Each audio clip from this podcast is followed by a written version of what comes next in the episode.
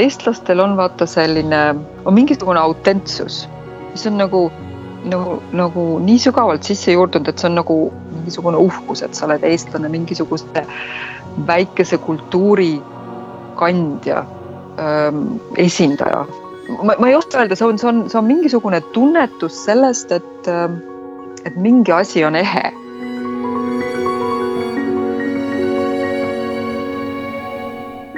head kuulajad, tervitused Palo Altost, minu nimi on Rainer Sterfeld ja te kuulate kahekümne üheksandat episoodi saatest Globaalsed eestlased, kus äh, minu eesmärgiks on vabariigi sajandaks aastapäevaks luua mälupilt silmapaistvatest Eesti inimestest üle maailma ning üksteiselt õppida.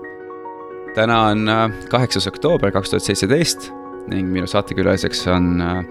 üle kahekümne aasta Rotterdamis elanud eestlane, graafiline disainer, ma nüüd püüan seda nime mitte valesti öelda, Kaire van der Toorn Guthan Ehm, me kohtusime Kairega tänu tema uue huvitava projektile, praegu valmiva fotoraamatu, mille nimi on Eesti läbi saja silmapaari, millest me ka täna räägime. ja, ja lisaks räägime tema teekonnast, kuidas ta, temast ei saanud arst, vaid graafiline disainer ning mis hoiab teda Eestile lähedal. tere tulemast saatesse, Kaire! tere, Rainer, aitäh kutsumast! kust äh, maailma otsast ma sind praegu leida võin? Sa leiad mind praegu minu kodust, Rotterdamist, äh, Hollandist mm. -hmm. ja, ja seal sa oled olnud, ma saan aru, siis üle, üle paarikümne aasta juba tänaseks jah, see oli selline naljakas lugu, et just kevadel üks äh, Hollandi ajakirjanik tegi minuga intervjuud siin kohaliku äh, ajalehe tarbeks ja siis selle inter intervjuu käigus me tegelikult täiesti ootamatult avastasime, et, et, et mul saabki sellel sügisel see kakskümmend aastat, kui ma olen Rotterdamis elanud. nii et noh, Hollandis ma elan tegelikult natuke kauem juba, aga just nagu spetsiifiliselt Rotterdamis sai sel sügisel jah, kakskümmend aastat, nii et juubeliaasta. Mm nii et Rotterdami nii-öelda kohalik, julgelt öelda ja absoluutselt ja, ja Rot- ja, ja kusjuures ma olen tegelikult õudne Rotterdami fänn ka, sellepärast et. et noh, ilmselt siin on natukene mu mehe mõju olnud, kuna mul mees on selline, nagu nad ütlevad, sündinud rotterdamlane. see tähendab seda, et, et siis kui siis sa eriti hea meelega Amsterdami näiteks ei lähe, sellepärast et Amsterdami, Rotterdami vahel on selline salajane konkurents nagu Eestis on Tallinn-Tartu veidi, veidi sihukene mm -hmm. sihuke väe, väega ikka vida, vedamine nii-öelda. aga naljakas on jah see, et, et, et, et kuidagi on minust nagu saanud selle Rotterdami ähm, ütleme nii-öelda eelistaja Amsterdami suhtes ja, ja mul on isegi siiamaani niimoodi läinud, et kõik sõbrad, kes on käinud siin või peaaegu kõik sõbrad, kellele ma olen Rotterdami tutvustanud, siis kõigil on hakanud Rotterdam rohkem meeldima kui näiteks Amsterdam mm. -hmm. nii et äh, mul on sellega seoses üks huvitav äh, selline äh, märkus teha iseenda kohta, et ma ei ole Amsterdamis käinud kunagi. aga küll aga ma olen käinud kõikides teistes kohtades, äh, et kui ma olen käinud Rotterdamis või Eindhovenis või, või Reichswekis või Delftis või Haagis või kus veel Maastrichtis. jah, Maastricht, Maastrichtis, aga Amsterdamis ei ole käinud, kujuta nagu ette, et kui, et tavaliselt on inimesed mujal, et noh, ma lähen, käisin, ma ei tea, Amsterdamis mingi nädalavahetus või mida iganes, ma pole kordagi sattunud. ja ilmselgelt lennujaam ei lähe arvesse.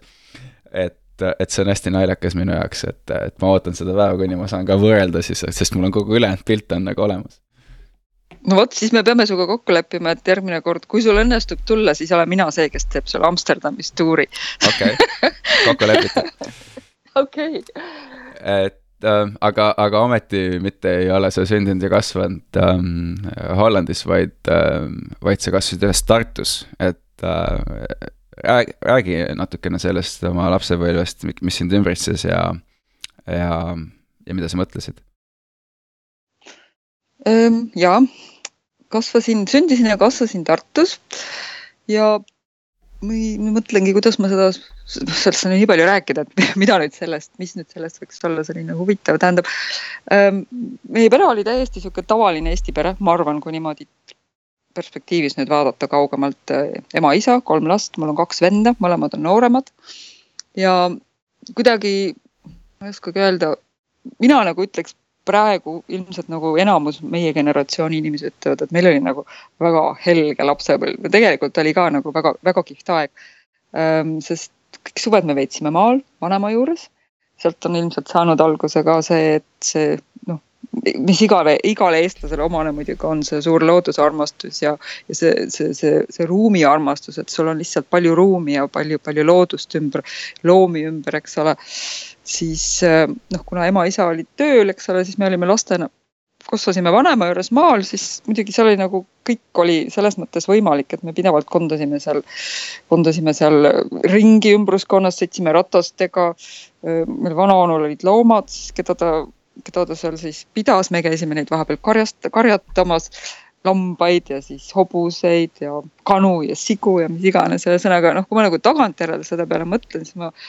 vahetevahel nagu natuke kahetsen seda, et ma siin Hollandis olen ja mu lapsed siin kasvavad, sellepärast et noh, ütleme sellist asja on ju, mida ilmselt tookord tegelikult ka mitte kõikidel lastel ei olnud, eks ole ähm,. oleks ma tegelikult oma lastele ka õudselt soovinud, sest noh, eriti kui vaatad praegu seda, kuidas nad tahaksid omale kassi või koera ja keda siin linnakorteri oludes näiteks on nagu kehva pidada, siis. siis noh, selles mõttes oli meil nagu õudselt vahva, ma mõtlen ja, ja kogu nagu kooliaeg oli selles mõttes vahva, et me tegime noh, ma nüüd, kuidas öelda, me oleme kooli ajal alati väga aktiivsed olnud ja meie kool oli Tartus nagu selles mõttes äh, vahva kool, kuna ta oli ta kutsuti omal ajal ainsaks õppimiskallakuga kooliks Tartus, siis minu ema jaoks oli nagu jube tähtis, et ma sinna kooli saaksin, kuigi tegelikult elukohajärgselt ma oleks pidanud hoopis Miina Härmasse minema ehk siis teise keskkooli. Ja see Tartu kümnes keskkool, mille nimi on nüüd Mart Reiniku kool, see õppimiskallakuga kool oli just tuntud sellepärast, et nemad korraldasid näiteks võimlemised ja laulupidusid Vanemuises iga kevad ja need olid sellised iga-aastased highlight'id, kus siis õpiti igasuguseid äh, esinemiseks, noh, ühesõnaga igasuguseid programme ja tehti ise igasuguseid etteasted ja siis see resulteerus lõpuks kahes või kolmes sellises peos, kus siis, äh, kus siis õhtul kõik vanemad ja pered kõik kokku tulid, ostsid piletid ja vaatasid siis saalis, kuidas nende lapsed seal esinesid, aga no see oli kuidagi selline hästi kihvt ja kokkuhoidev selline noh, ütleme nagu kooli jaoks selline, selline ähm,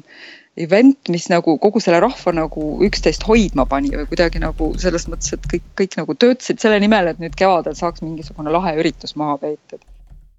ja siis koolikõrvad muidugi noh, sellised asjad nagu õmmid ja EÜE-d ja, ja TPL-id ja noh, ütleme, mis nagu vanasti nõukaajal kõik olemas olid, need sai kõik läbi käidud ja see oli iseenesest ju ka jälle sihuke õudselt vahva ja lahe kogemus äh, suvi läbi, eks ole, või mingi osa suvest siis teistega kuskil suvalises talumajas elada ja lehmalaudas käia sõnnikut viskamas ja noh, ühesõnaga pidada malevapulmi ja maleva kokkutulekuid ja ühesõnaga, ma ei oskagi öelda, see kuidagi see kooliaeg ja kogu see, kogu see Tartu, Tartu taust sealjuures, et see oli nagu kuidagi minu jaoks nagu õudselt vahva ja, ja, ja ma isegi ei mäleta, et oleks mingisuguseid jamasid olnud või noh, ma ei oska öelda, see oli, see oli kuidagi jube kihvt. ja, ja kui sa, kui sa kasvasid, äh, siis äh, ma lihtsalt üritan nagu väga paljude saadete puhul või inimeste puhul ähm, siis saada selline väikse, väikse sünopsise selle kohta, et äh, kuidas mingid valikud tekkisid elus ja sinul tekkis valik ähm, õppida arstiks või vähemalt arstiteaduskonnas õppisid ja, ja mind nagu huvitab, et kas, kas sel ajal, kui sa kasvasid, oli mingisugused mõjutused või miks sa valisid arsti eriala esialgu, see disainist räägime hiljem. Jah. Ähm,, tead, ma arvan, et see ilmselt läks niimoodi, et äh, Tartu Ülikool oli ju põhimõtteliselt väga prestiižne ülikool ja see oli kuidagi hästi loogiline, et kui sa koolis nagu hästi õppisid ja sul head hinded olid, siis sa läksid edasi ülikooli, see oli nagu kuidagi noh, tundus loogiline, eks ole. noh, Tartus ülikool lähedal kõik need asjad kokku, siis mõtlesin, et mis see nagu kõige lahedam oleks, mida ülikoolis võiks õppida ja siis jõudsin nagu arstina välja, et see arst võiks olla nagu, et noh, kas arst või juura, juura tundus nagu natuke raske, eks ole. enamus läks muidugi majandust õppima, see oli niisugune lebotamine aeg oli nagu selline. kerge on ju. nojah, täpselt, et aeg oligi selline, ta kuidagi dikteeris, et vaata arst oli nagu seal oli nagu midagi sellist prestiižset, aga samas ka natuke huvitavat, eks ole. ja noh, jumal issand, vanematel oli ju kohutavalt hea, eriti mu ema, ma kujutan ette, noh, sel ajal oli ju see nii-öelda äh, kuhu laps õppima läheb, oli nagu kuidagi väga tähtis ju. ja, ja ilmselt see, see selline aktivism siis äh, kandus ka nagu noh, laste peal, vähemalt mina nagu tunnetasin seda hästi tugevalt, et ma pean nüüd kindlasti midagi sihukest prestiižset õppima minema. ja, ja siis ma läksin ja ma sain sisse, nii et ma isegi ma ei tea, kuidagi see tundus väga, väga noh, väga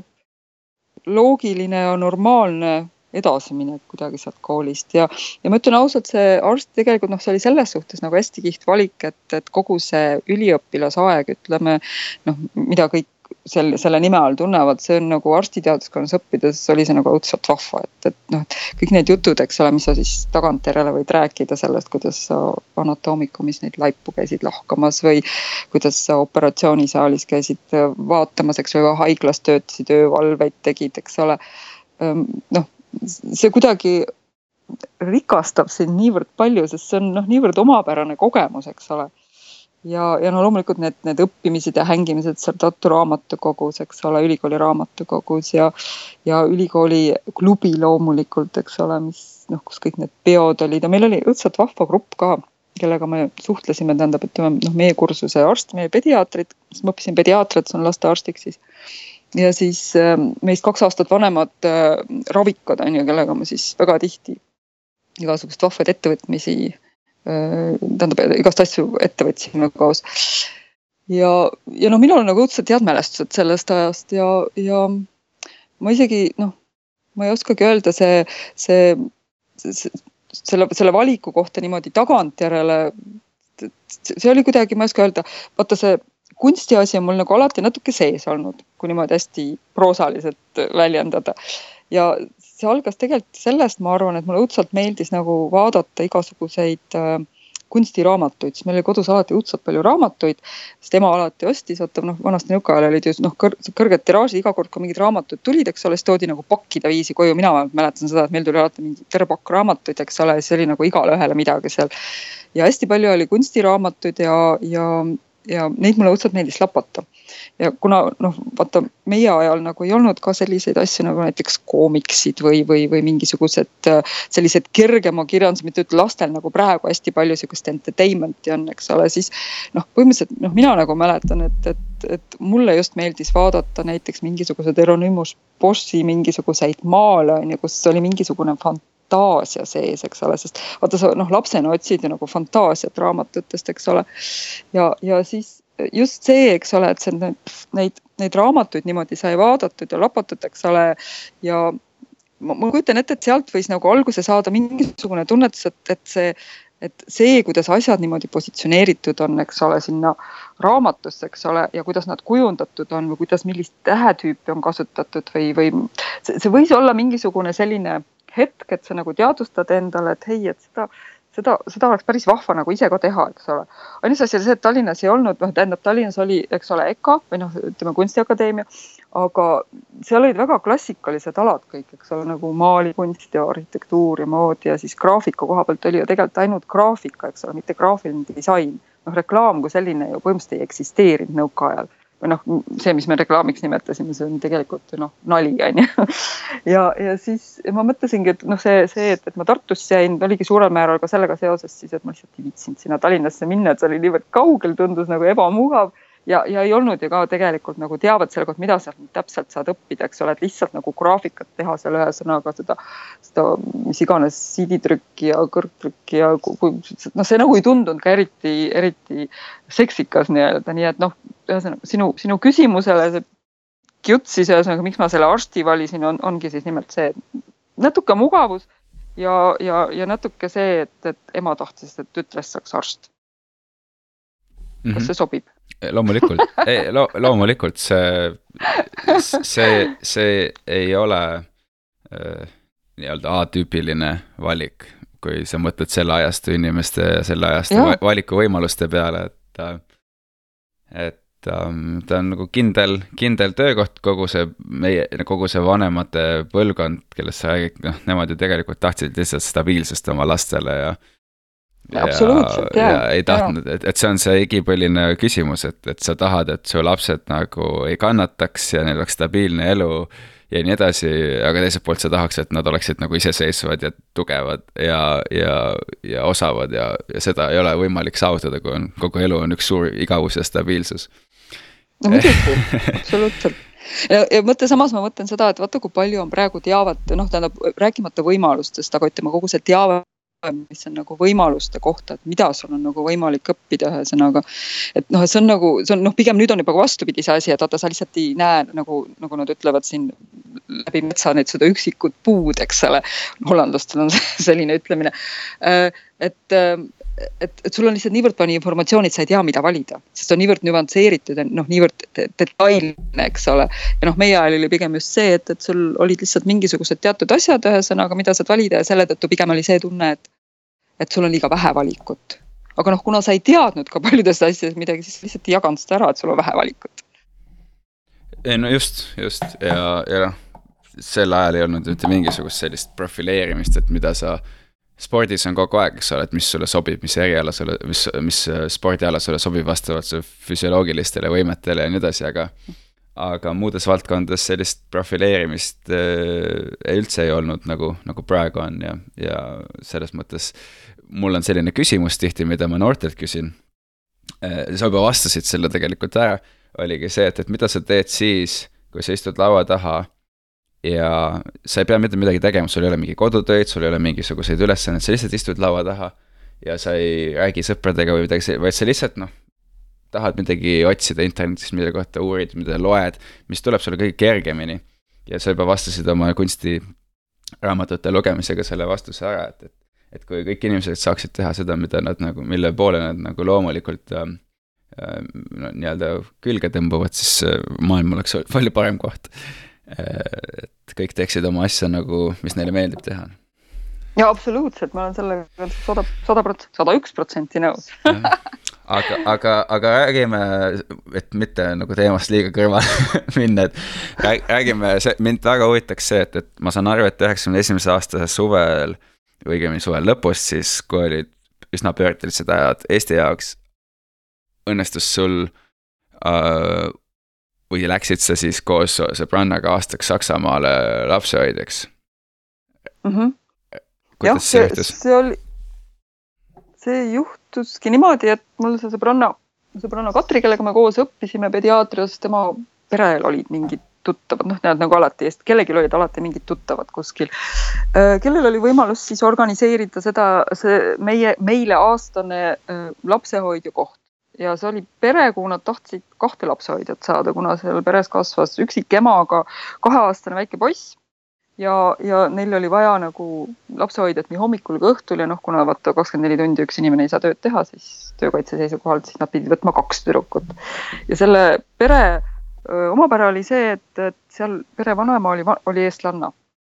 ja siis meie jaoks oli see muidugi hästi vahva, sellepärast mõtlesin, et oo, et siis on keegi ees, kes oskab vähemalt eesti keelt, et isegi kui saksa keelt väga hästi ei oska, siis noh, tead, vähemalt on nagu omad on ees nii-öelda. no see illusioon meil tegelikult suht kähku hävitati, kui me sinna Saksamaale kohale saime. tähendab, no ongi nii, et, et me võtsime akadeemilist ülikoolist ja, ja siis otsustasime sinna Saksamaale minna, Düsseldorfi aastaks ajaks. ja siis me sinna kohale jõudsime, siis tuli välja, et tõepoolest ema töötab viis päeva nädalas teises linnas, mis on umbes sada kilomeetrit kaugemal. laps on siis sel ajal üksinda lapsehoidjatega, vahetevahel käib vanaisa külas, vahepeal käib onu külas ja siis koristajatädi käib külas, aga põhimõtteliselt meie olime siis need, kes seda last pidid kantseldama kogu see aeg.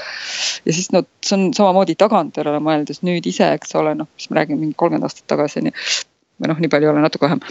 umbes niimoodi, et ise nüüd olles ema on ju ja siis mõeldes selle peale, et, et et sul kaheaastane laps on põhimõtteliselt nädal aega üksinda võõraste tüdrukutega, eks ole. et noh, ma ei tea, noh, see on valikute küsimus, eks ole, ja, ja, ja noh, ilma mingisuguse hinnaga, mina näiteks ei saaks sellega hakkama, on ju. aga noh, selles mõttes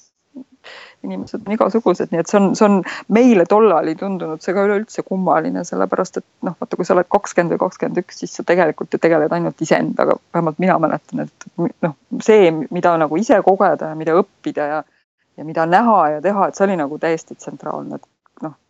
ülejäänud oli nagu, ma isegi ei mäleta nagu sellest ajast väga palju, kuidas mu perel läks Eestis ja sõpradel või, see oli kuidagi kõik nagu maru kaugel, eks ole, sa olid nagu ainult ise oma, iseenda tegevused, mida sa ise seal kogesid koha peal. ja siis lahe oligi see, et, et noh, põhimõtteliselt me olime nagu väga iseseisvad, meile lihtsalt räägiti ära, eks ole, kuidas me peame seal mida tegema selle lapsega, mida ta põhiliselt ei tohtinud, eks ole, sest ta tegelikult ei tohtinud mitte midagi selleks, et, et, et mitte saada mingeid allergiaid või, või mingisuguseid liigseid kaloreid või mis iganes, ta ei tohtinud šokolaadi, ei tohtinud koolat, mitte midagi, see oli nagu noh, mäletame, ikka naersime natuke selle pärast, see oli niisugune naljakas case. ja siis see tore Eesti vanaema, kellele meil noh, väike lootus oli nii-öelda pandud, et noh, siis saab eesti keelt rääkida või noh, mis iganes, et saab nagu, inimene on ees, kes nagu teab, eks ole, et saab vahetevahel nagu nõu küsida, siis tema väändus sellega, et ta helistas meile reeglipäraselt kolm-neli korda nädalas. jäigi hääleks telefonis minu jaoks, ma ei ole teda kordagi kohanud, tähendab tollal ei kohtunud ja pärast seda ka kunagi mitte. ja, ja jagas meile lihtsalt käske. et vot nüüd tuleb nii teha ja nüüd tuleb nii teha ja, ja siis nii et, et, et see oli siis ütleme selline huvitav äh, seiklus sellest, sellest aastast, nii et, et, et kuna meil endal oli lihtsalt noh, niivõrd palju uh, uusi asju seal kogeda, eks ole, siis mul on tagantjärele vaadates ongi nagu, nagu täiesti lünk selles suhtes, et mis toimus Eestis aastal üheksakümmend üks on ju, ütleme alates üheksakümmend üks kuni üheksakümmend kaks, nii et kõik need Eesti iseseisvumine, eks ole, ja, ja tegelikult ka kõik need Eesti noh, vabariigi algaastad, ütleme need üheksakümnendad, need on minust täiesti mööda läinud tunnetuslikult, mis on noh, ühest küljest nagu õudselt kahju, mida ma nüüd kogen pidevalt igasuguste noh, ütleme sõprade jutustuste, raamatute, filmide najal, eks ole, aga mis nagu, mis mul nagu isiklikust kogemuse pagasist on nagu täiesti välja jäänud. sa tegid midagi muud üheksakümnendatel, eks ole, et sa sel-, selles mõttes aga ometi on see, et, et sinu side Eestiga on jäänud äh, üsna tugevaks, et, et kui ma kuulan sind ja me oleme nüüd selle noh, raamatu ja asjus, eks ole, rääkinud sinuga juba mõnda aega, et sinu keel ja olek ei jäta küll muljet, nagu sa oleksid kõik need aastad Eestist äh, väljas olnud, et äh, et kuidas äh,, et millest see tuleb? Ehm, tead, see on jälle selles mõttes sihuke huvitav küsimus, et ma olen mõtlenud selle peale ka nagu noh, tead, occasionally, so now and then et äh, see on natukene, ma arvan, selline asi, et, et selleks, et aru saada millestki, on vahepeal vaja nagu ära käia ja, või siis ära olla, ütleme niimoodi, et sul on võimalus tagasi tulla Eestisse selleks, et aru saada selleks, kuivõrd sa nagu Eestiga seotud oled või Eesti kui see koht, kus ma olen sündinud ja kasvanud, eks ole, ja mis on nagu osa minust. et selleks, et sellest aru, vähemalt minu jaoks on ilmselt see olnud oluline, selle, selle arusaamiseks on oluline see, et, et ma vaatan seda distantsilt või ütleme distantsilt siis mitte nii väga see, et sa oled kuskil mujal, aga ka see, et, et sul on nüüd mingid aastad seal vahepeal, kus sa nagu seal kohapeal ei ole elanud ja, ja, ja siis ma mäletan, et see on, võib-olla see on äkki mingi kümme aastat tagasi, siis mul tekkis esimest korda niisugune tunne, et ma hakkasin nagu aru saama nendest äh, klišeejuttudest, äh, mida räägiti nende väliseestlastest vanaprouade kohta,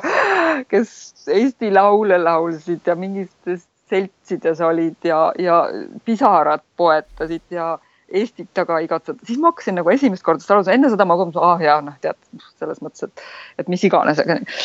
aga, aga see arusaam nagu, et sa tõepoolest sellest aru saad, see hakkas siis nagu tekkima ja siis ma mäletan, kui ma mingi, ma arvan, et see võis olla kuskil mingi neljakümnes, kui ma enne nelja, noh enne kui ma nelikümmend sain või. ta on ka selline sihuke huvitav mingisugune verstapost tegelikult, noh, millele ilmselt rohkem tähelepanu omistatakse, kui see vaja on, aga noh, tegelikult tegelikult see on ka, midagi see ikkagi tähendab. no minu jaoks vähemalt tähendas. ja, ja siis ma mäletan, et, et siis võib-olla tekkis esimest korda sihuke jube kindel teadmine, et, et kuule, et kui ma nüüd ükskord enam ei ole, siis ma siin Hollandis kindlasti kuskil maetud ei taha olla, et, et mina pean kindlasti Eestis, Eestis mingi, mingis Eesti surnuaias maetud olema. see on täiesti absurdne tegelikult, aga see tunne oli nagu nii tugev, eks ole. et, et, et ma, ma ei oska seda seletada noh, ilmselt siin ongi see mingisugune nähtamatu niit või, või, või külge tõmbav need juured, ma ei oska öelda, see, see noh, et isegi siis, kui sa tead, et tegelikult see põhimõtteliselt nagu üldse peaks murjendama, siis isegi siis on see su jaoks tähtis, et sa tead, et sa seal oled. selles mõttes on minu meelest nagu, ma arvan, et minu jaoks on nagu hästi hea just see, et, et et ma siia sattusin ja et ma olen sellest nüüd ütleme, sel-, noh, ilmselt siis ka selle tõttu aru saanud, et ma noh, nii kaua olen siin olnud mis Eesti minu jaoks tähendab, eks ole. ja, ja mis ei võta muidugi ära seda, et, et, et see vabadus liikuda ühest kohast teise ja tunda ennast kodus nii siin kui seal, ühesõnaga, et see tegelikult sama tähtis on, on ju. aga noh, ilmselt on siis nüüd just sellel tunnetuslikul tasandil kõige tähtsam see, et sa lihtsalt tead, et sul on kodu seal ja sul on alati võimalus sinna tagasi minna, mis iganes, kuna sa tahad. võib-olla noh, see teadmine ongi nagu kõige, kõige ütleme, määravam selle jaoks, et ma siin saaks elada. ma ei oska öelda, ma ei tea, kuidas sina seda tunnetad? ma alustasin seda saadet seetõttu, et ma nägin, et, et, et um, on olemas nagu, et Eesti on nagu palju laiem mõiste kui ainult see geograafiline piirkond, kus, kus uh, elab üks koma kolm miljonit inimest. et mulle tundub, et, et viimase saja aasta jooksul on väljaspool Eestit elanud uh, konst-, umbe, umbes sarna-, sarnane suurusjärk eestlaseid, mis on umbes kakssada tuhat. Ilmselgelt kaob mingisugune järjepidamine ära alati ja, ja nii edasi, et, et aga, aga et ma näen, et, et meil on võimalus luua nagu palju suurem Eesti kui tegelikult see geograafiliselt piiritletud ala. ja mistõttu ma olengi asunud nagu kaardistama neid huvitavaid erinevaid inimesi, vähemalt väikest osa sellest, kes aitaksid seda kogukonda ähm, nagu kokku siduda ja, ja ma arvan, et nii see projekt äh, kui ka kõik muud tegevused, mida sina teed ja e-residentsus ja nii edasi, et see on hea näide sellest, et äh, tegelikult see eestlus on pigem nagu äh, mõtteviis ja kultuur, niikaua kui me ise seda üleval peame ja, ja levitame, siis seda, seda sellest saavad ka teised tegelikult aru, et kui sa räägid välismaalastega, vähemalt minu kogemuses. see inimeste side ja see ühised kogemused või see asjade ärategemise viis, ma arvan, on nagu meie kõige suurem nagu kaubamärk. jah, ma, mul on jah niisugune tunne, et sul on, sul on õigus selles suhtes, et see,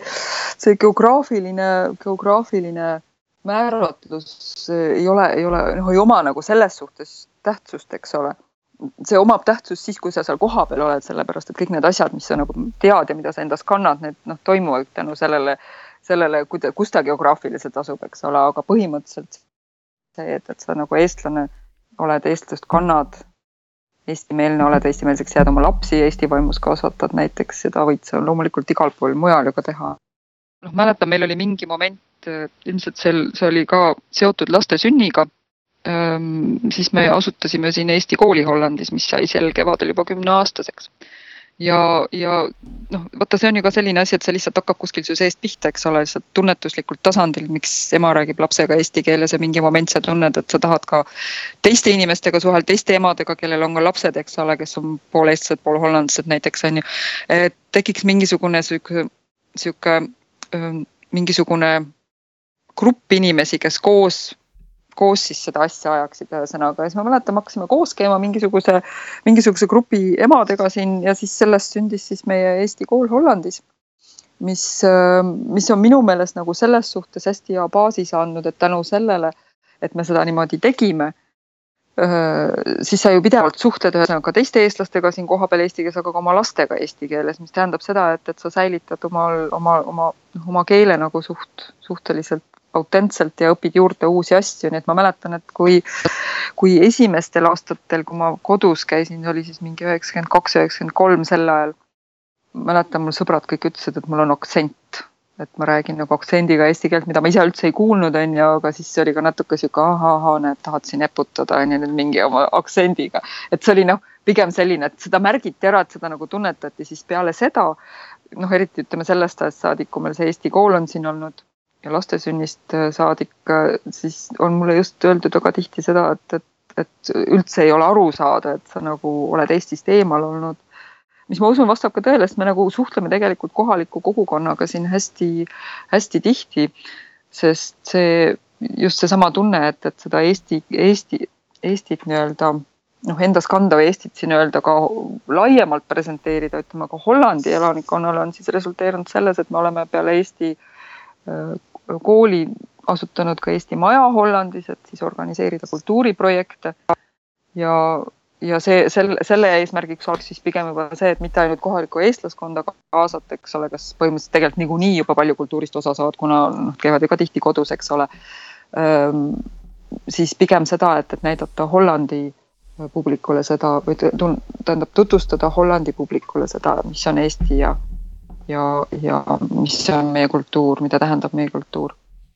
nii et ma ei tea, kas sa tahad, et ma räägin sellest natukene edasi, vahvutan ja jahun siin edasi natuke või tahad midagi rihitult küsida kuulasingi segamatult seetõttu, et see oli kõik väga-väga põnev ja, ja näiteks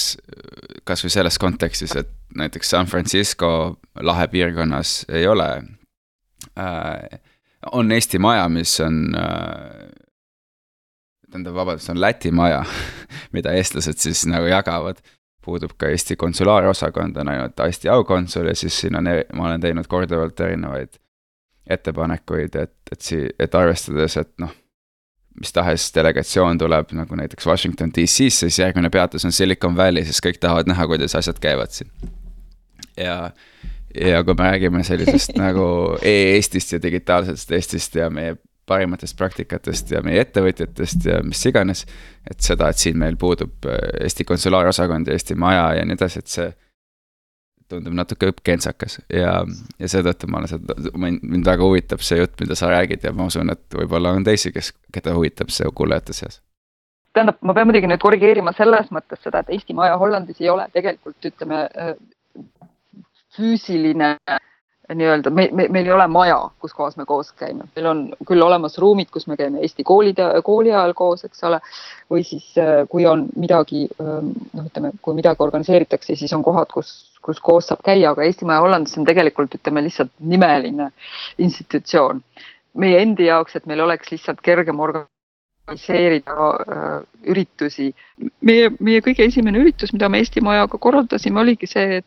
kevadine meie sel kevadel toimunud kõlaväeüritus, mis oli tegelikult juba teine oma reas, mis tegelikult oligi nagu selline väike minilaulupidu Amsterdamis, mõeldud Hollandi publikule, kus meil nüüd esimest korda käisid koos, las ma mõtlengi, mitme riigi koorid ütleme nii meie endi Euroopa eestlaste koor kui siis äh, koorid Londonist, Göteborgist, Stockholmist, Eestist olid esinejad, Saksamaalt, Šveitsist ja Luksemburgist tantsuansambel, nii et meil oli nagu tegelikult nagu esimest korda äh, ütleme kogu selle noh, eestluse ajaloo jooksul Hollandis oli nüüd selline üritus, tegelikult minu meelest äh, ütleme, kui nüüd jätta need Estod vahele, mis on toimunud siin Äh, Euroopas, siis esimest korda niisugune suurem üritus, kus nii palju koore kokku käis, nii et meil oli peaaegu kolmsada esindajat, Eestist oli ka näiteks puhkpilli või see Eesti noorte äh, kontsertorkester ehk siis äh, peaaegu viiskümmend noort puhkpilli noort. Nii et noh, ühesõnaga selles nagu hästi-hästi vahva üritus. Ja me korraldasime seda koos siin ühe kohaliku Amsterdami kirikuga millest lõppkokkuvõttes jäi kõigil nagu niivõrd hea tunne ja niivõrd hea ja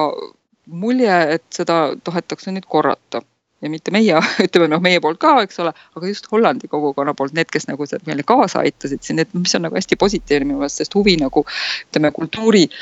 vastu ja eriti ütleme meie laulupeo kultuuri vastu oli nagu hästi suur ja ma kujutan ette, et see on muuseas üks meie, meie selliseid täiesti kindlalt kohe ka noh, ütleme selliseid müügi aspekte väljapoole, see, mis meie see laulupeo kultuur teeb. ma jätkaks äh, siis, võtaks ta teise, teise suuna või tuleks tagasi sinu enda selle erialavahetuse juurde, et, äh, et kui sa läksid Saksamaalt Hollandisse, siis kuidagimoodi sa äh, kui, esiteks, kui sa lahkusid Eestist, siis sa lõpetasid ju neljanda kursuse arstiteaduskonnas ja, ja nüüd, nüüd tulles Hollandisse kuidagi sai sinust graafiline disainer, kas sa räägiksid natuke seda lugu? Äh, jaa,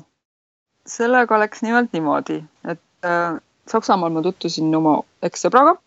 kes oli hollandlane ja siis oli see valik oligi pigem see, et okei okay,, kas ma nüüd lähen temaga kaasa Hollandisse,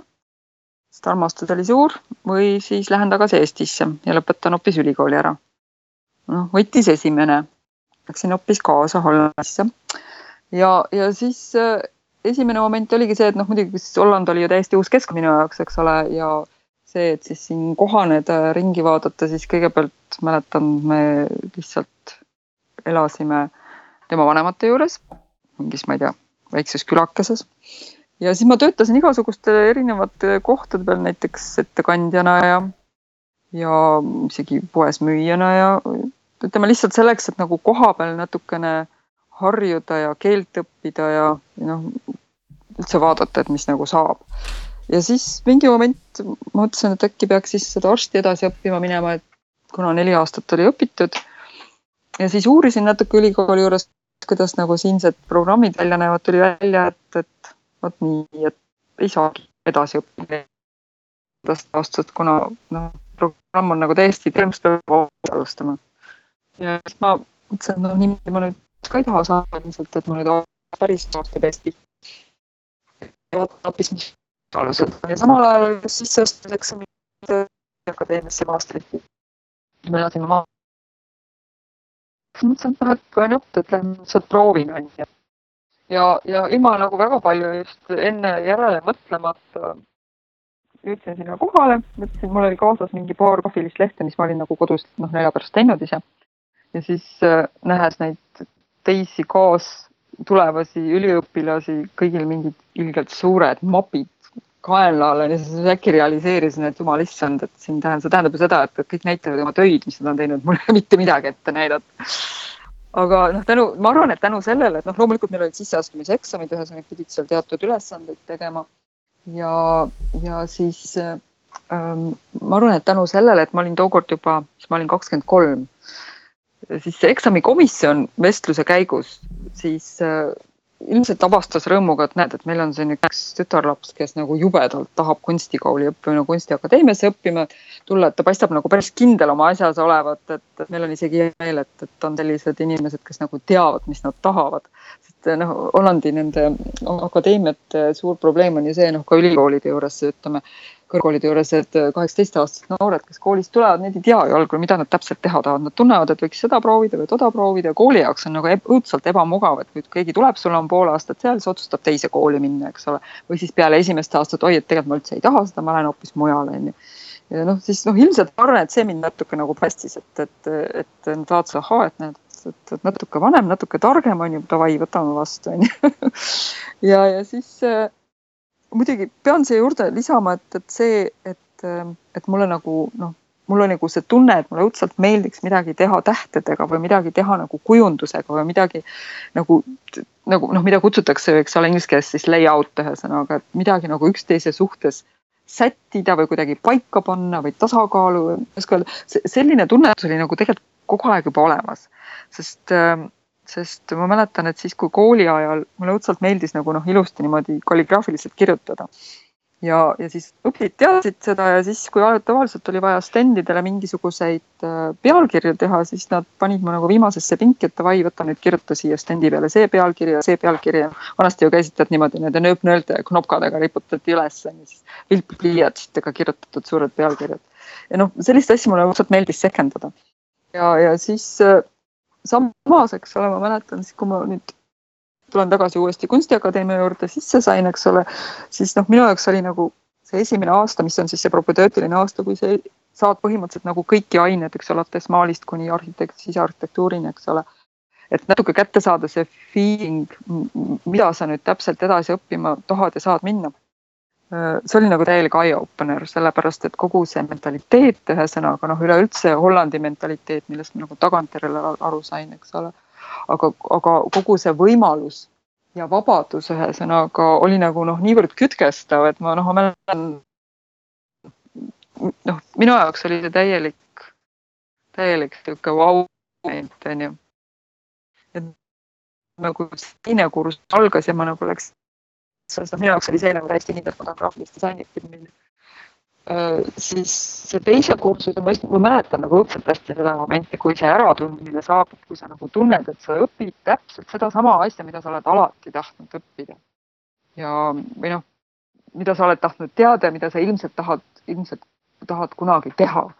ja, ja, ja ma mäletan seda õnnetunnet, mis mul tookord oli, et see, see on nagu kohutavalt kihvt moment on ju, et sa nagu realiseerid, sa lihtsalt tunnetad ära selle, et vau wow,, see ongi nüüd täpselt see.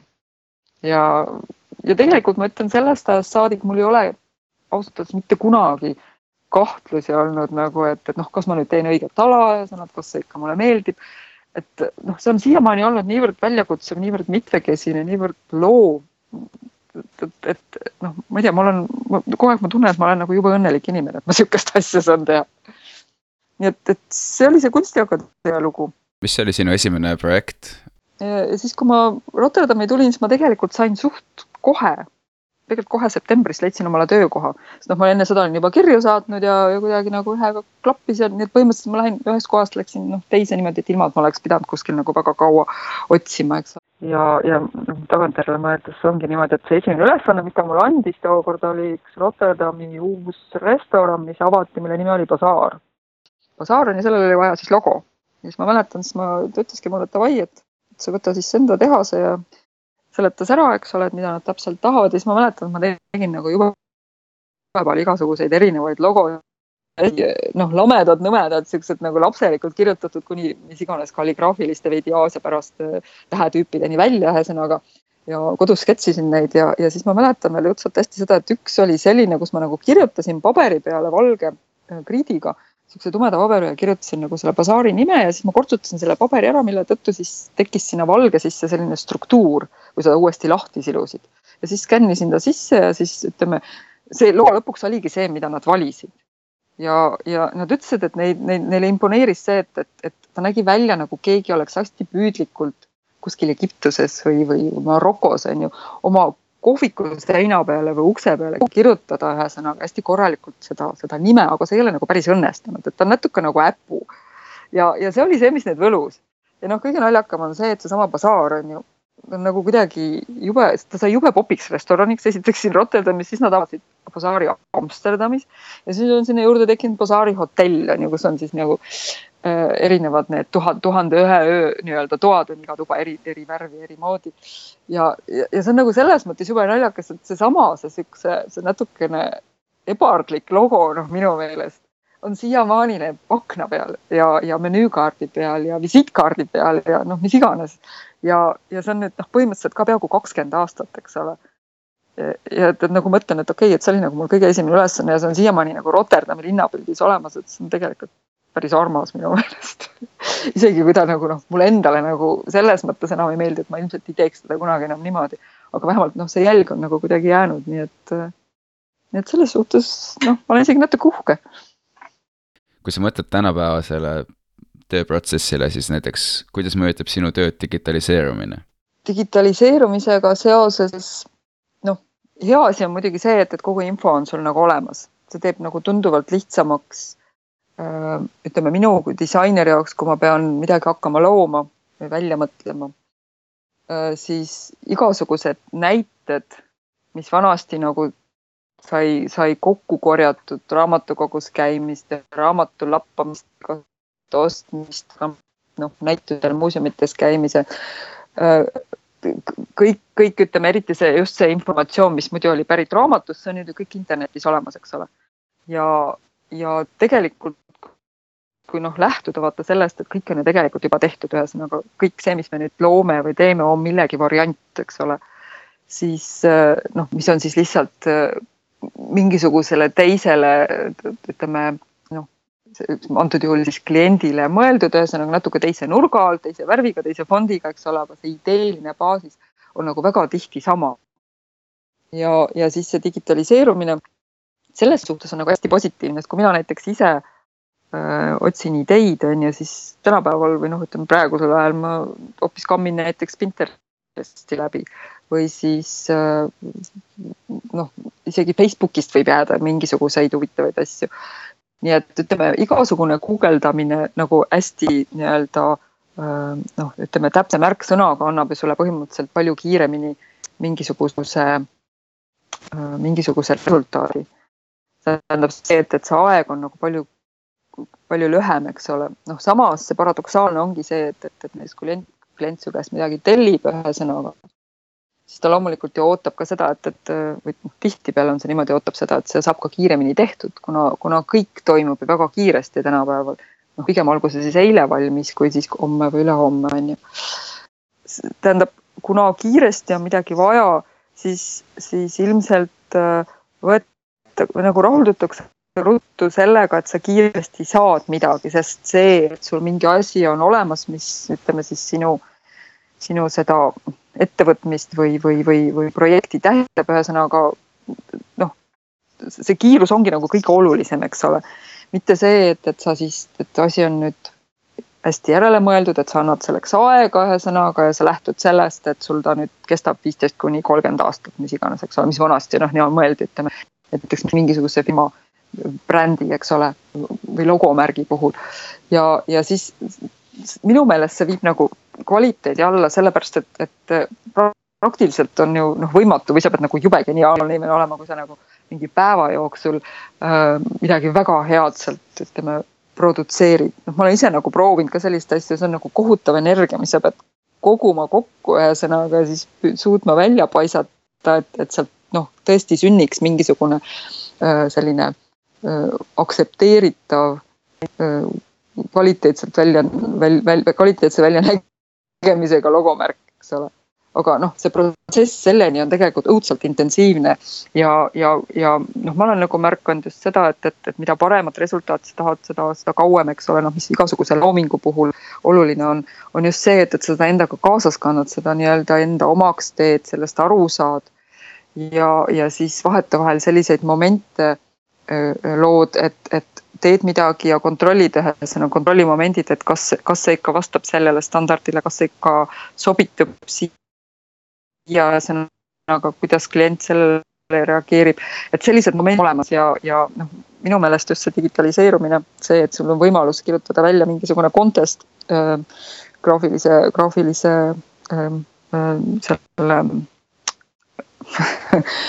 distsipliini üliõpilastele, isegi võib-olla mitte nendele, lihtsalt hobi, inimestele, kellele hobiks on see, et neile meeldib igasuguseid asju kujundada. Äh, et okei okay,, kõige parem idee saab sada eurot või kakssada eurot ühesõnaga ja siis valida endale sealt vastav logo, eks ole, see ei tähenda seda, et sa saad selle kõige kvaliteetsema.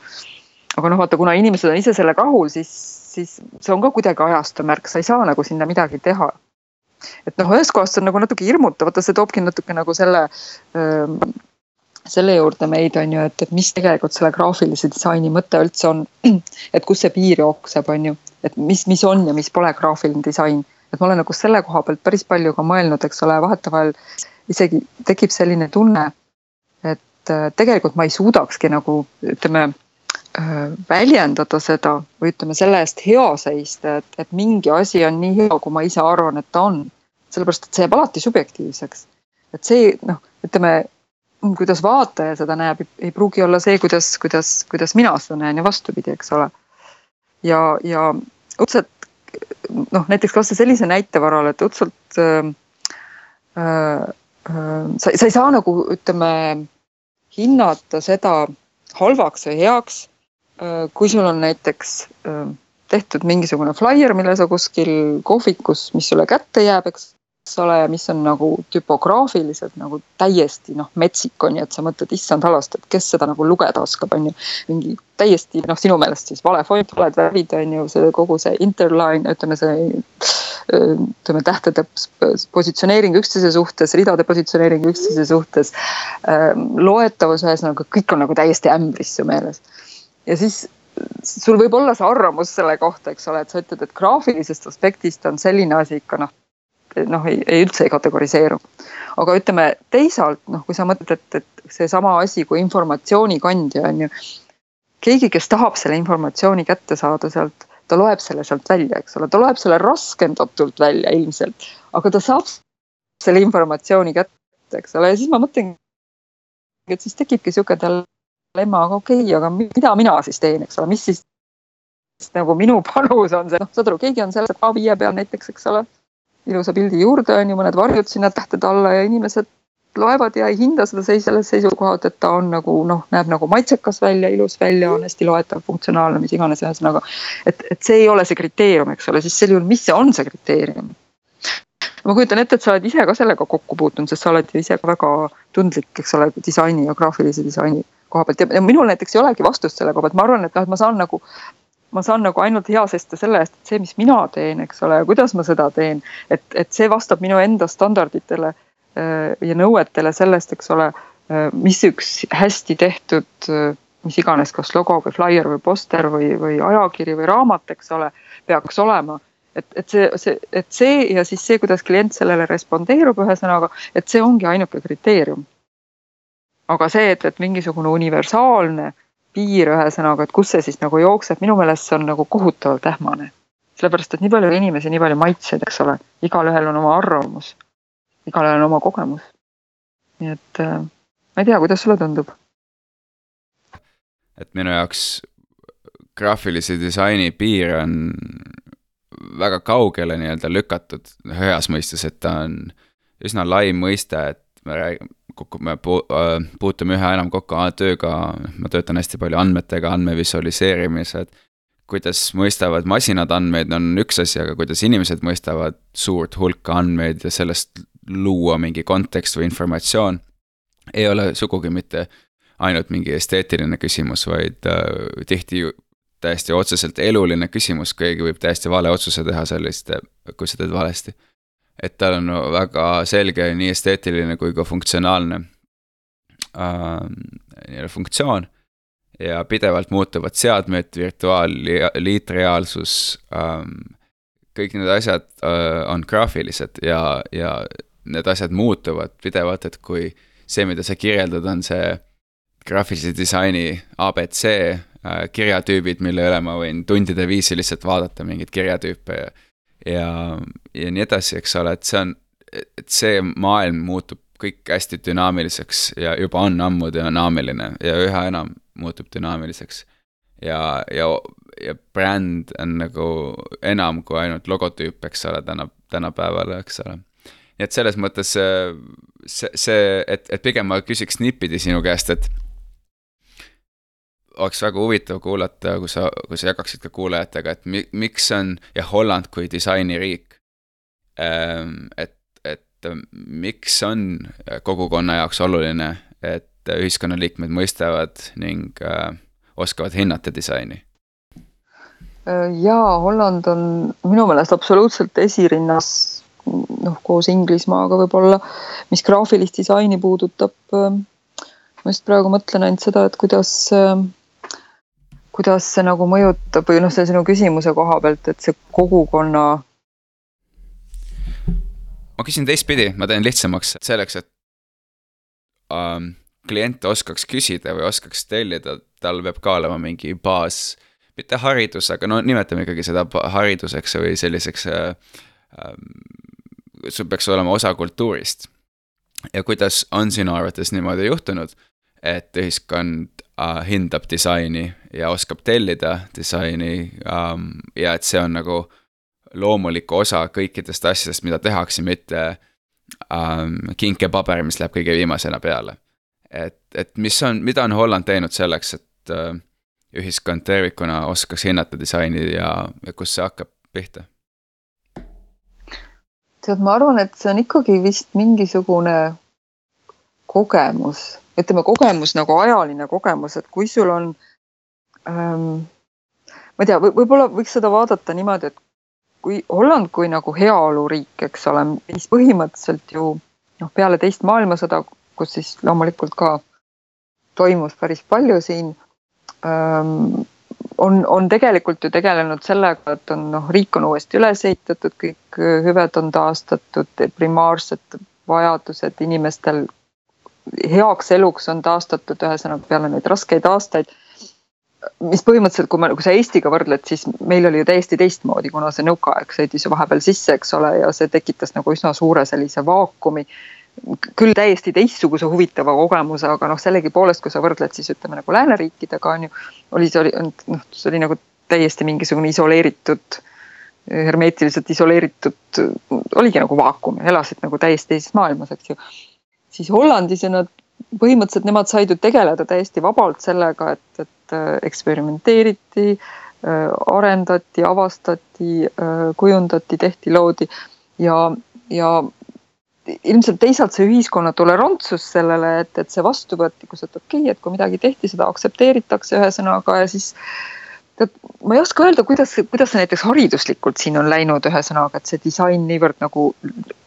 sellises juhtivas rollis on, aga, aga nagu minu kogemuse põhjal, kui ma nagu seda vaatan ähm,. ma arvan, et funktsionaalne disain oli ilmselt esimene, mis, mis nagu eriti sellise keskpära-, kesk, keskmise kalvinistliku ja praktilise hollandlase puhul ilmselt väga ähm, nii-öelda arusaadav oli. Ja kui see kui midagi on funktsionaalne ja siis tavaliselt ta on ka hästi, kuidas nimetatakse, hästi selge, eks ole, ja kui siis noh, mõelda näiteks tagasi nendele tüpograafilistele üllitistele, mis on kasutatud siis alates Shipholist kuni ütleme, kasvõi needsama kiirteede, kiirteede äärsed need sildid, ühesõnaga, siis need on olnud ju aastaid juba, need on olnud noh, ütleme väikeste parem, paremustamistega on nad olnud ju aastaid osa, eks ole, selle riigi nii-öelda noh, elukeskkonnast. inimese silm harjub sellega, eks ole kui mingi moment, ütleme, Hollandis armastab seda, eks ole, et näiteks avalikus ruumis on paljud, võimalikult paljud elemendid võimalikult palju disainitud või ilusaks tehtud, ära värvitud, mingisugune, mingisugune tähendus neile antud. kui sa seda nagu päevast päeva näed, siis sa harjud sellega, eks ole. ja siis võib-olla tundub isegi natuke naljakas, kui sul on mingisugune väljak kuskil majade vahel, kus ei ole mingisugust naljakat kunstiüllitist, kuna sa oled lihtsalt harjunud sellega, et alati mingisugune kunst ja mingisugune, mingisugune graafika kuulub nagu asja juurde, ma ei oska öelda, kas see võib olla see, mille pärast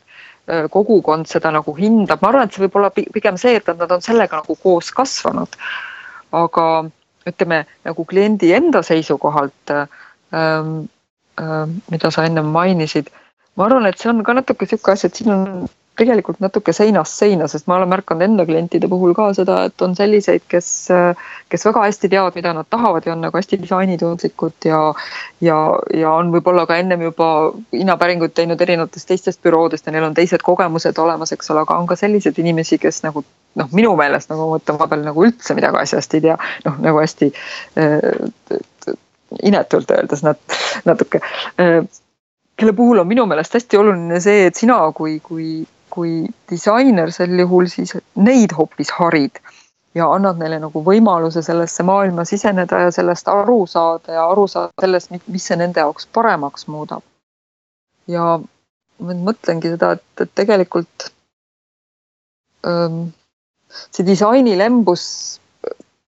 ma ei, ma ei oska, ma ei oska sulle ausalt öelda selles mõttes, et kuidas, kuidas, kuidas nagu kogukond sellesse nagu suhestub, sest ma arvan, et mul on endal pigem tunne, et, et inimesed on lihtsalt harjunud sellega, et nad nagu sellega kuidagi kokku kasvanud, see on osaks saanud meie või noh, ütleme kohalikust äh, mentaliteedist, kohalikust enesemääramisest. kuidas sa võrdleksid täna Hollandi ja Eesti äh, graafilist disaini keelt? tead, ma olen selles mõttes Eesti graafilist disaini nagu alati kõrvalt jälginud, nii palju kui nii palju, kui, kui see võimalik on, eks ole, ja noh, alustades sellega, et juba aastaid, aastaid, aastaid, eks ole, et iga kord sirvid ajakirja, eks ole, vaatad, mis on nagu juurde tulnud. vaatad raamatuid raamatupoodides ja vaatad tänavareklaami tänaval, eks ole. siis noh, minu meelest eriti viimase võib-olla äkki viie-kuue aasta jooksul, mis mulle nagu silma jääb, on, on nagu tõeline kvaliteedihüpe toimunud ja, ja kusjuures noh, väga paljud asjad on, on veel nagu sellised, mille puhul ma mõtlen, et hei, et seda saaks ikka palju paremini teha ja, ja siit oleks nagu hästi palju praegu võita, kui, kui niimoodi teha, on ju. aga ma ei tea, mul, mul on niisugune tunne, et on mingisugune noor generatsioon tekkinud, kes nagu mõistab seda asja paremini, vaata noh, ilmselt nad on noh, teis, teisi, teisel ajal õppinud ka, eks ole. ja, ja palju käinud võib-olla ja, ja palju, palju harjunud vaatama. Ähm, et mina olen nagu hästi palju huvitavaid uusi asju näinud, mille puhul ma mõtlen, et hei, see on juba täiesti nagu, nagu, nagu mis ma siit nagu tunnen ja tean. ja, ja, ja ütleme Hollandi koha pealt ongi see, et vaata Holland, noh, Holland muidugi ise teab ühesõnaga, et nad disaini suhtes on nad siuksed kõvad tegijad, on ju ja noh, tegelikult ka ikka enamus asju, kui ma nagu vaatan, ütleme, mis puudutab noh, ütleme tänavareklaamist kuni, kuni, kuni siis raamatuteni, siis noh, ütleme kogu see läbimõeldus, eks ole, ja, ja mis nagu siis välja tuleb sellest layout'ist ja, ja, ja värvi ja siis tüpo kasutamisest ja nii edasi, on ikka nagu väga heal tasemel, millega ma ise suudan nagu elada selles mõttes. Ähm, mis minu meelest äh, Hollandi puhul samuti hästi iseloomulik on see suhtumine, et, et sa noh, inimesed on niivõrd palju näinud ja, ja, ja, ja nii-öelda läbi elanud, ütleme läbi elanud selles mõttes, et, et, et, et kohutavalt palju noh, häid ähm, disainiasju, ühesõnaga kohutavalt palju võimalusi, muusikat, mis iganes, tähendab inimesed lihtsalt noh, neil on niivõrd palju kogemust, on ju, et neid on raske üllatada. ja, ja siin tekib pigem just see probleem on ju, et sul on nagu raske välja mõelda midagi sellist, midagi nii unikaalset on ju vormiliselt, mis nagu mis nagu oleks täiesti teistsugune. kui see nagu Eestis mingi ajani oli veel võimalik minu meelest, siis noh, siin näiteks ei ole, eks ole, et sul on praktiliselt noh, selline suhtumine, et been there, done that, ma ei tea, palju sina seda oled kogenud, on ju. kui ma näiteks räägin kellelegi siin mingisugusest asjast, mis on Eestis toimunud või, või mis nagu Eesti jaoks on hästi huge olnud, siis noh, siin on pigem see, et aa, aa okei okay,, noh. nagu võetakse nagu täiesti loomulikuna on ju, kuna, kuna ähm, et see üleüldine ähm, inimeste nii-öelda, siis ma ei oskagi seda nimetada, ütleme nende kogemuste pagas on nagu niivõrd täis, on ju. et, et, et üllatada on nagu hästi raske. ja ma mäletan nagu Eestis seda momenti veel, et, et see nüüd, ma arvan, mingi kuusteist aastat jah, see oli täpselt kuusteist aastat tagasi, kui ma tean seda sellepärast, et me abiellusime siis äh, sellel samal meie, meie pulmas käis üks sõber meil, hollandlane, kes oli siin kohapeal päris hea tegija, creative director tookord. Ähm, ja tema oli siin natuke nii-öelda nagu nad ütlevad hollandi keeles oma retuuril, et ühesõnaga noh, väga palju tööd enam ei olnud, ütleme, ta oli lihtsalt liiga vana juba öö, äh, oma, oma selle eriala kohta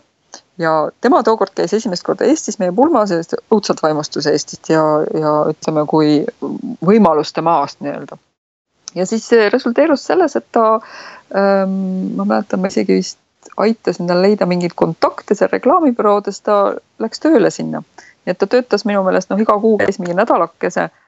võib-olla ka mõnikord ka, mõnikord vähem, ühesõnaga ja siis oligi kümme aastat käis niimoodi, oli selline job hopper on ju, Hollandi ja Eesti vahet koha peal minu meelest väga palju midagi ei teinud siin Hollandis, aga Eestis käis siis tööd tegemas ja noh, see oli selles mõttes vahva, et ta sai kõik oma nii-öelda Hollandi pagasi, mis ta põhimõtteliselt siin oli nagu juba korra teinud, sai Eestis uuesti teha. ilma, et keegi oleks seda siis võib-olla teadnud, et see on tegelikult juba toimunud kuskil on ju, sest Eesti jaoks oli see kõik uus, mis oli ka õudselt hea, sellepärast et noh, kindlasti sellest väga paljud said ju õppida, eks ole, nii et see õpimoment ei ole olemas, aga, aga tema jaoks oli nagu selles mõttes päris kerge niimoodi noh, ja huvitav samas ka leiva teenimise võimalus, eks ole. et lihtsalt korrata seda, mis ta on siin juba korra teinud. nii et, et, et see on natuke noh, ütleme, mis sellesama see been there done that selle, selle fenomeni kohta nii külge kleeb. ja mm, -hmm. ja. see on natuke seda, see on natuke see, et äh, isiklik areng versus äh, see muutus, mida sa saad esile tuua. täpselt, täpselt. et äh, mulle, mulle tundub, et äh, liiga tihti me mõtleme, loomulikult isiklik areng on väga oluline, aga liiga tihti me mõtleme nagu enda arengu peale rohkem kui sellele, mida me suudame nagu igal pool esile tuua. et noh, et, et kordamine, et ma ei viitsi seda teha, siis ma võib-olla olen teinud seda aga siis sa saad tegelikult kogu maailma nagu enda kogukonda palju paremaks muuta lihtsalt läbi selle, et sa lihtsalt jah, ja sa võid kaotada nagu mingi konkurentsieelise mingi teatud valdkonnas, kui sa mm -hmm. liiga ühte, ühte ja sama asja teed, aga see on väga hea näide sellest, mis, mis et ala, alati on keegi kuskil, kes on nõus sinu nagu kogemuste eest maksma ja see, mis sa praegu mainisid, et ta on juba nagu oma nii-öelda suurema osa karjäärist ära teinud ja siis aga ikkagi keegi hindas seda, see on väga suur asi, nii et ähm, Äh, ma arvan, et see on väga hea noh, lihtsalt mõttetera kõrva taha panemiseks. ja absoluutselt ja ma isegi kujutan ette, et tegelikult ütleme, see kogemuste pagas, noh, ütleme, mis, mis nagu siin, ütleme isegi minu puhul, mis siin on saavutatud ja just see, et sa oled nagu teises keskkonnas seda, seda kogenud, seda õppinud, ühesõnaga. ja isegi sellel võib nagu päris suur väärtus olla, eks ole, kui seda nüüd näiteks noh kasvõi mingisuguse grupi üliõpilaste puhul rakendada näiteks Tallinna EKA-s või, või noh, mis iganes, sest noh, mina näiteks enda puhul tunnen ka, et ma võiks nagu palju rohkem rääkida täiesti erinevatest asjadest, ühesõnaga, mis nagu seal äh, teada on, noh, see on lihtsalt ka kogemuste baasisel niimoodi, niimoodi välja tulnud, et tihtipeale, kui sa respondeerud mingisugusele, äh, mingisugusele küsimusele või siis märkusele, mille peale tuleb vastuseks, vau, kust sihuke hea mõte tuleb ja kuidas sa nagu selle nurga alt seda asja vaatad, siis noh, on nagu näha, et, et, et ütleme, mingisugune osa Eesti ühiskonnast, võib-olla isegi päris suur osa, ütleme, ma nüüd ei räägi nendest noortest, ütleme, aga just, just võib-olla sellised, ütleme kolmekümne, viiekümne, kolmkümmend kuni viiskümmend, ütleme selles vahemikus, et on, on tegelikult ikkagi nagu äh, veidi tunda seda, et, et see ühiskond on, on ma ei tahaks nüüd öelda, et ta suletud on, ta ei ole suletud, ma tean, et on väga lahti, eks ole, aga, aga võib-olla just see, et, et ikkagi see vastuvõtuvõime on kuidagi nagu vähesem või? Ma ei oska öelda. ma, ma, ma ei tea, kas see tundub sulle, kas see tundub sulle kuidagi äratuntavana, ütleme just Eesti ühiskonna puhul. Ma, ma räägin sulle täiesti mingisugust äh, kämara jura nüüd ma arvan, et see on meie ellujäämisvõime äh, nagu külge kuuluv ütleme, iseloomuomadus, et, et me oleme natuke skeptilised asjade üle ja me tahame, et asi kestaks ja me oleme suutnud äh, nagu seitsesada aastat, eks ole, kus me ei olnud nagu vabad sisuliselt, eks ole, säilitada oma mingis, mingi või noh, adopteerida mingi teatud identiteedi, aga see ikkagi jäänud nagu iseendaks, et ma arvan, et see on sellega ähm, kaasa tulev selline äh, iseloomuomadus ja ma ei arva, et see on sugugi halb, mõnikord ilmselgelt see tekitab frustratsiooni, aga see kokkuvõttes tekitab lihtsalt mingi oluliselt parema minimalistlikuma, äh, kestvama lahenduse. et äh, alati ei ole halb, aga jah, pigem on sotsiaalne oskus see, mida me nagu peaks harjutama, et kuidas seda väljendada. et, et kui sa nagu inim-, inimestel tekib ka Hollandis täpselt samasugused emotsioonid tõenäoliselt, aga aga kõik inimesed ei väljenda ennast nii järsult või nii äh, äh, kohmakalt või noh nii-öelda puusa, puusalt ei tulista nagu, eks ole. ja, vaata, see võib, jah, see võib tegelikult täitsa selles mõttes tõesti niimoodi olla, sest hollandlased on oma olemuselt sellised avatumad ja ähm, ütleme ähm, otsekohesemad ja vastavad ka kiiremini, ühesõnaga reageerivad kiiremini, avaldavad oma arvamust kiiremini ja, ja muidugi noh, kõige tähtsam on see, et kõigil on oma arvamus, see on noh, nagu väga-väga kuidagi normaalne asi, kõigil on oma arvamus ja kõik tahavad seda noh, nagu jagada. nii et, et see on nagu hästi tüüpiline minu meelest Hollandi kogukonnale. võrreldes siis nagu Eesti, Eestiga mm. -hmm. aga ma võib-olla, kui lubad, vahetakski täiesti käiku ja tuleks nagu äh, tagasi Eesti juurde, me oleme sellest küll palju juba rääkinud, aga võtaks selle saate nii-öelda selle viimase, viimase otsa, räägiks ainult Eestist ja, ja kõigepealt siis võiks kindlasti rääkida sellest äh, projektist, millega sa praegu äh, toimetad, milleks on siis see raamat Eesti läbi saja silmapaari äh,. kui sa lühidalt äh, kirjeldad, et mis see on ja, ja kuidas see idee tekkis um.? seda ideed ma saan sulle lühidalt kirjeldada, see, kuidas see tekkis, selleks läheb natuke rohkem aega sellepärast see tuleb nagu mingisuguse suure kaarega ja põhimõtteliselt, kui noh, kui ma, kui ma niimoodi mõtlen selle peale, siis mingil määral see ilmselt ka minu jaoks ka just seesama protsess on ju olnud, kuidas mingisugune, mingisugune ütleme noh, kuidas, kuidas seda nüüd nimetada, mingisugune teadmine ja tahe kuidagi kontakteeruda või uuesti saada nagu see side Eestiga tuleb nagu läbi mingisuguse loovprojekti. et mul on niisugune tunne, et seal, seal kuskil on mingisugune alge, et see, et sa, sa tunned, et sa, sa, sa tahad midagi teha, mis on seotud Eesti, eestlusega, et see annab sulle võimaluse midagi uut õppida, midagi uut avastada, kohal olla. Ma, ma arvan, et, et see oli mingisugune noh, see on lihtsalt selline jõud, mis sind kuskilt seest niimoodi takka ajab. aga see idee iseenesest tekkis tegelikult juba, juba isegi äh, mingi, ma arvan, et isegi mingi viis-kuus aastat tagasi, noh, osana kõikidest nendest mõtetest, mis meil siin kohapeal on olnud, ühesõnaga äh, seoses Eesti, Eesti promomise, promomisega siin, eks ole, ja, ja äh, ütleme, Eesti nii-öelda, võib-olla siis ütleme niimoodi eestlaste ühendamisega maailmas, sest noh, see oli, ütleme selleks ajaks nüüd ütleme viis, kuus, seitse kuni kümme aastat tagasi on tegelikult ju noh, väga palju eestlasi ju väljaspoole tulnud, on ju. ja, ja siis kogu see suur Eesti mõte, millest me ennem ka rääkisime, et, et, et ei pea ainult geograafiliselt olema siis kohapeal, eks ole, paikne eestlane, aga võid üle kogu maailma elada igal pool. Äh, siis meil tekkis, ma arvan, selline mõte algul, et teha eestlaste visuaalne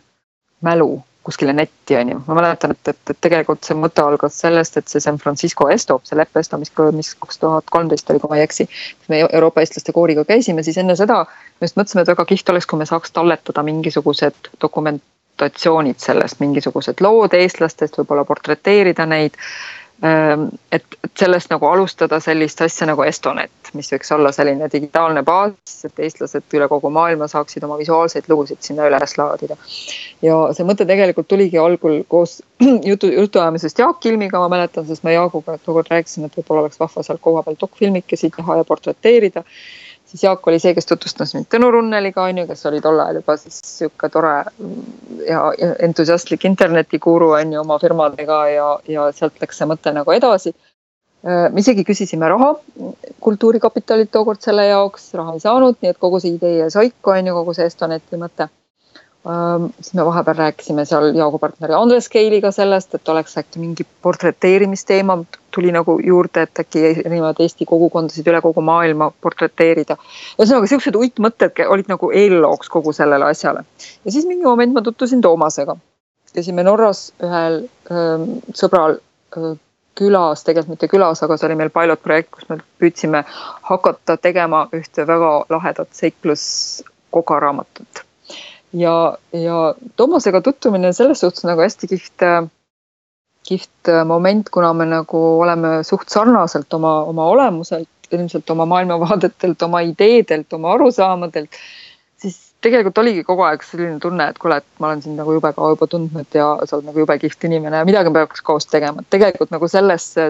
see noh, tunne oli nagu olemas, et midagi peab siit koos tegema. ja kuna see Eesti ja eestlaste portreteerimise teema mind õudselt intrigeeris ja, ja see Eesti sada hakkas ja siis lähenema, siis mõtlesingi, et, et, et siin on mingisugune suhe, siin on mingisugune ühendus, siit peab midagi nagu välja tulema. ja siis peale, peale intensiivset mõttetööd tekkiski see mõte, et aga miks mitte teha niimoodi, et me portreteerime sadat eestlast, iga Eesti Vabariigi aasta kohta üks inimene, vanuses üks kuni sada seega, nii et meil tuhat üheksasada kaheksateist aastal sündinud eestlane on siis sajaaastane, kellega raamat algab.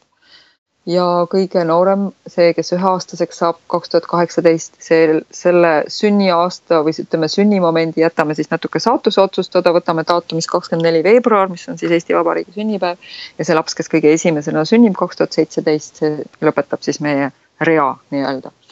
ja kui see mõte siis nagu oli juba tekkinud, siis me hakkasime seda edasi arendama ja mõtlesime, et miks mitte lisada sinna siis ka näiteks see kogemus, kuidas need inimesed näevad Eestit, eks, mida nad näevad seal Eestist, et nad oma silmade läbi tutvustaksid ka siis vaatele mingit osat Eestist. et ei oleks pelgalt tegu ainult portreedega, aga ütleme, portree suhtes siis mingisuguse Eesti meeleoluga, mis neile nagu kõige tähtsam on. ja siis siit samm-sammhaaval siis läkski nagu see lugu edasi, Toomas on nüüd see inimene, kes teeb kõik need, äh, portreteerib kõik meil need sada inimest. siis äh, Eesti meeleolud äh, pildistavad meil üles Tõnu Tunnel ja Tõnu Runnel, kelle mõlemi fotograafi käekiri mulle endale õudselt meeldib just sellepärast, et see on hästi kaasaegne ja hästi ütleme, võib-olla ka natuke selline ajalikkusele rihitud, aga samas ka hästi esteetiline ja nad sarnanevad millegipärast üksteisele. ma arvan, et nad tegelikult nad noh, on ka omavahel sõbrad ja ilmselt nad fännavad üksteist ka, eks ole, aga aga kuidagi noh, ütleme mõlemal on oma nüansid fotograafias, ütleme, kuidas nad asju näevad ja kujutavad, aga, aga nende pildid sobivad õudselt hästi kokku, nii et, et nende ülesandeks on nüüd need sada pilti fotografeerida, mida meile inimesed on, on siis ähm, rääkinud, ühesõnaga, mis neil see kõige, kõige, kõige, kõigem Eesti moment on. Ja siis on meil tiimis veel sellised toredad inimesed nagu Piret Jaaks, kes on kirjanik ja näitekirjanik. Siis Mirjam Mattiisen, kes on tegelikult filmirežissöör, aga tuli meile appi äh, ka filmi, tekste kirjutama, on ajakirjandust õppinud. ja Tiiu Suvi, kes on äh, üks väga-väga hea ajakirjanik, minu vana kooliõde ja, ja tegelikult üks minu lemmikajakirjanikke peaks ütlema. ja siis on meil veel toredad inimesed nagu Sven Sosnitski, kes aitab meile pärast heli teha ähm, näitusele äh, erinevatest Eesti helidest ja, ja muusikatest. Samuti teeb ta väikseid filmikesi ja diisereid, mis me praegu Facebookis jagada saame. ja loomulikult meie imeline Liis Piksar, kes on jumestaja ja samuti assisteerib pildistamistel ning kelle valvsa silma all ei jää märkamatuks mitte ükski visuaalne ebakõla. ja peale selle on üks terve hunnik sõpru, kes on nagu tegelikult noh, põhimõtteliselt juba algusest peale ainult aidanud ja fännanud kogu seda projekti, otsinud inimesi, otsinud rahastajaid, varustanud informatsiooniga ähm,. lihtsalt noh, nagu oma positiivse energiaga seda kogu seda projekti toetanud on ju, nii et ähm, ähm me oleme nüüd jõudnud sinnamaali, et meil on üheks, kaheksakümmend kuus inimest pildistatud, neliteist on veel vaja pildistada ja kogu see, kogu see projekt resulteerub siis äh, kinkeraamatus, milles on nelisada kakskümmend lehekülge ja äh, näituses, mis avatakse ERM-is veebruari alguses. ja mul eriti meeldib see mõte, et kuna äh, on nüüd ametlikult kinnitatud, et presidendi vastuvõtt järgmine aasta saab olema ERM-is, siis külalised, kes sinna vastuvõtule tulevad, tulevadki läbi meie näituse. ja minu meelest see mõte, et, et sa nagu jalutad siis läbi galerii, kus sul on sada Eesti portreed, sada inimest, kes sind oma silmadega saadavad, see on minu meelest niivõrd lahe, on ju. et, et, et mul on nagu väga meel, et meil see, see õnnestus ka noh, ERM-iga koostöös, et meil on võimalik seal eksponeerida ja, ja nende poolt on huvi ja vastu, vastutulekus ja abi. nii et jah lühidalt öeldes, ma arvan, et see on nüüd suht lühidalt öeldes vast jah, on, on siis, on siis see tore projekt, millega siin me parajasti tegeleme. minu arust see on väga äh, tänuväärt projekt, äh, eriti tänu sellele, mis äh, see vanuseline kontseptsioon minu arvates toob endaga kaasa no täpselt ja, ja noh, me just Toomasega rääkisime sellest, et, et Toomas just täna ütles mulle, ma mäletan, et tegelikult on ju, mõtle, meil on ju selles suhtes on see projekt nagu niivõrd universaalne, et meil on olemas inimesed, kes ühendavad esimese ja teise Eesti Vabariigi. eks ole, selli-, noh, ütleme viie, kümne aasta pärast sihukest asja enam ei saa teha. sellepärast, et neid inimesi lihtsalt ei ole, neid lugusid ei ole enam. ja, ja nüüd on veel see võimalus, et sa saad nagu selle, sa saad selle saja veel kokku pressida, eks ole ja, ja noh, minu meelest see on niivõrd fascineeriv või noh, niivõrd veetlev, eks ole, see, see mõte just, et, et noh, üleüldse nende inimeste leidmine, ühesõnaga inimeste kohtumine, nendega, nende pildistamine, nende lugude kuulamine, noh need nad nagu lubavad enda maailma siseneda, eks ole, ja, ja noh, et, neil on see usaldus, et, et, et nad on nagu heades kätes, et. et see on minu meelest nagu õudselt vahva, noh, ma unustasin siia juurde veel märkida seda, et vaata meil see valik noh, see valikuprintsiip, sest noh, see ikkagi sa ju valid, eks ole, kui sa inimesi portreteerid, me ju algusest peale mõtlesime, et, et kindlasti see peaks olema selles suhtes nagu hästi äh, mitmekesine ja intelligentne. Äh, sellepärast, et, äh, et meil oleks, ütleme, esindatud nii naised kui mehed, et oleks eestlased Eestist, eestlased väljaspoolt Eestit, eks ole, et, et oleks ka see ühendav suur Eesti mõte, oleks erinevad eluvaldkonnad, erinevad elukutsed, erinevad religioossed ja, ja soolised kuuluvused, etnilised kuuluvused. et ka inimesed, kes tahavad olla eestlased ja tunnevad ennast eestlastena, et, et, et ka nemad on seal olemas, et meil on näiteks, kui ma mõtlen Mikko Fritse peale, kes on olnud Eestis pikka aega, kelle lapsed on Eestis sündinud, kelle suvekodu on Eestis, kes räägib perfektset eesti keelt, eks ole, aga kelle, kelle äh, rahvus ei ole eestlane, vaid on sakslane siis mille poolest on tema vähem eestlane kui keegi teine eestlane, kes, kes Eestis elab, eks ole, kui ta tunneb ennast eestlasena ja siis mulle õudselt meeldib nagu meie presidendi Kersti Kaljulaiu ütlus selle kohta, et eestlane võib olla igaüks, kes tunneb ennast eestlasena. siis võib-olla noh, see ongi natukene selline selle, selle projekti moto, et ühelt poolt nagu, nagu öö, ähm, otsida ja defineerida, visualiseerida seda eestlaseks olemise fenomeni, eks ole, aga teisalt just ka anda see võimalus, et näidata ühesõnaga, et tõepoolest, kui sa tunned, et sa oled eestlane, siis ei saa ju keegi sulle öelda, et ei, et vot mina nüüd ütlen, et sa ei ole seda. sest meil on ju palju geenijärgseid eestlasi, kes elavad võib-olla kuskil mujal, isegi Eestis, kes ei räägi eesti keelt ja kes, kes ei tegele eesti kultuuriga ja kelle jaoks see võib-olla ei ole nii tähtis, eks ole. et noh, siin tekibki nagu see väike intrigeeriv küsimus, et, et, et kumb siis nüüd sel juhul on, eks ole et pigem on see, et, et sul on see enesemääratluse võimalus olemas, et sa, kui sa ennast sellena tunned, eks ole, kui sa tunned ennast eestlasena, siis sa oledki eestlane. kui äh, keegi küsib sinu käest, et kus on Eesti või siis milline on Eesti, siis kuidas sa vastad? jah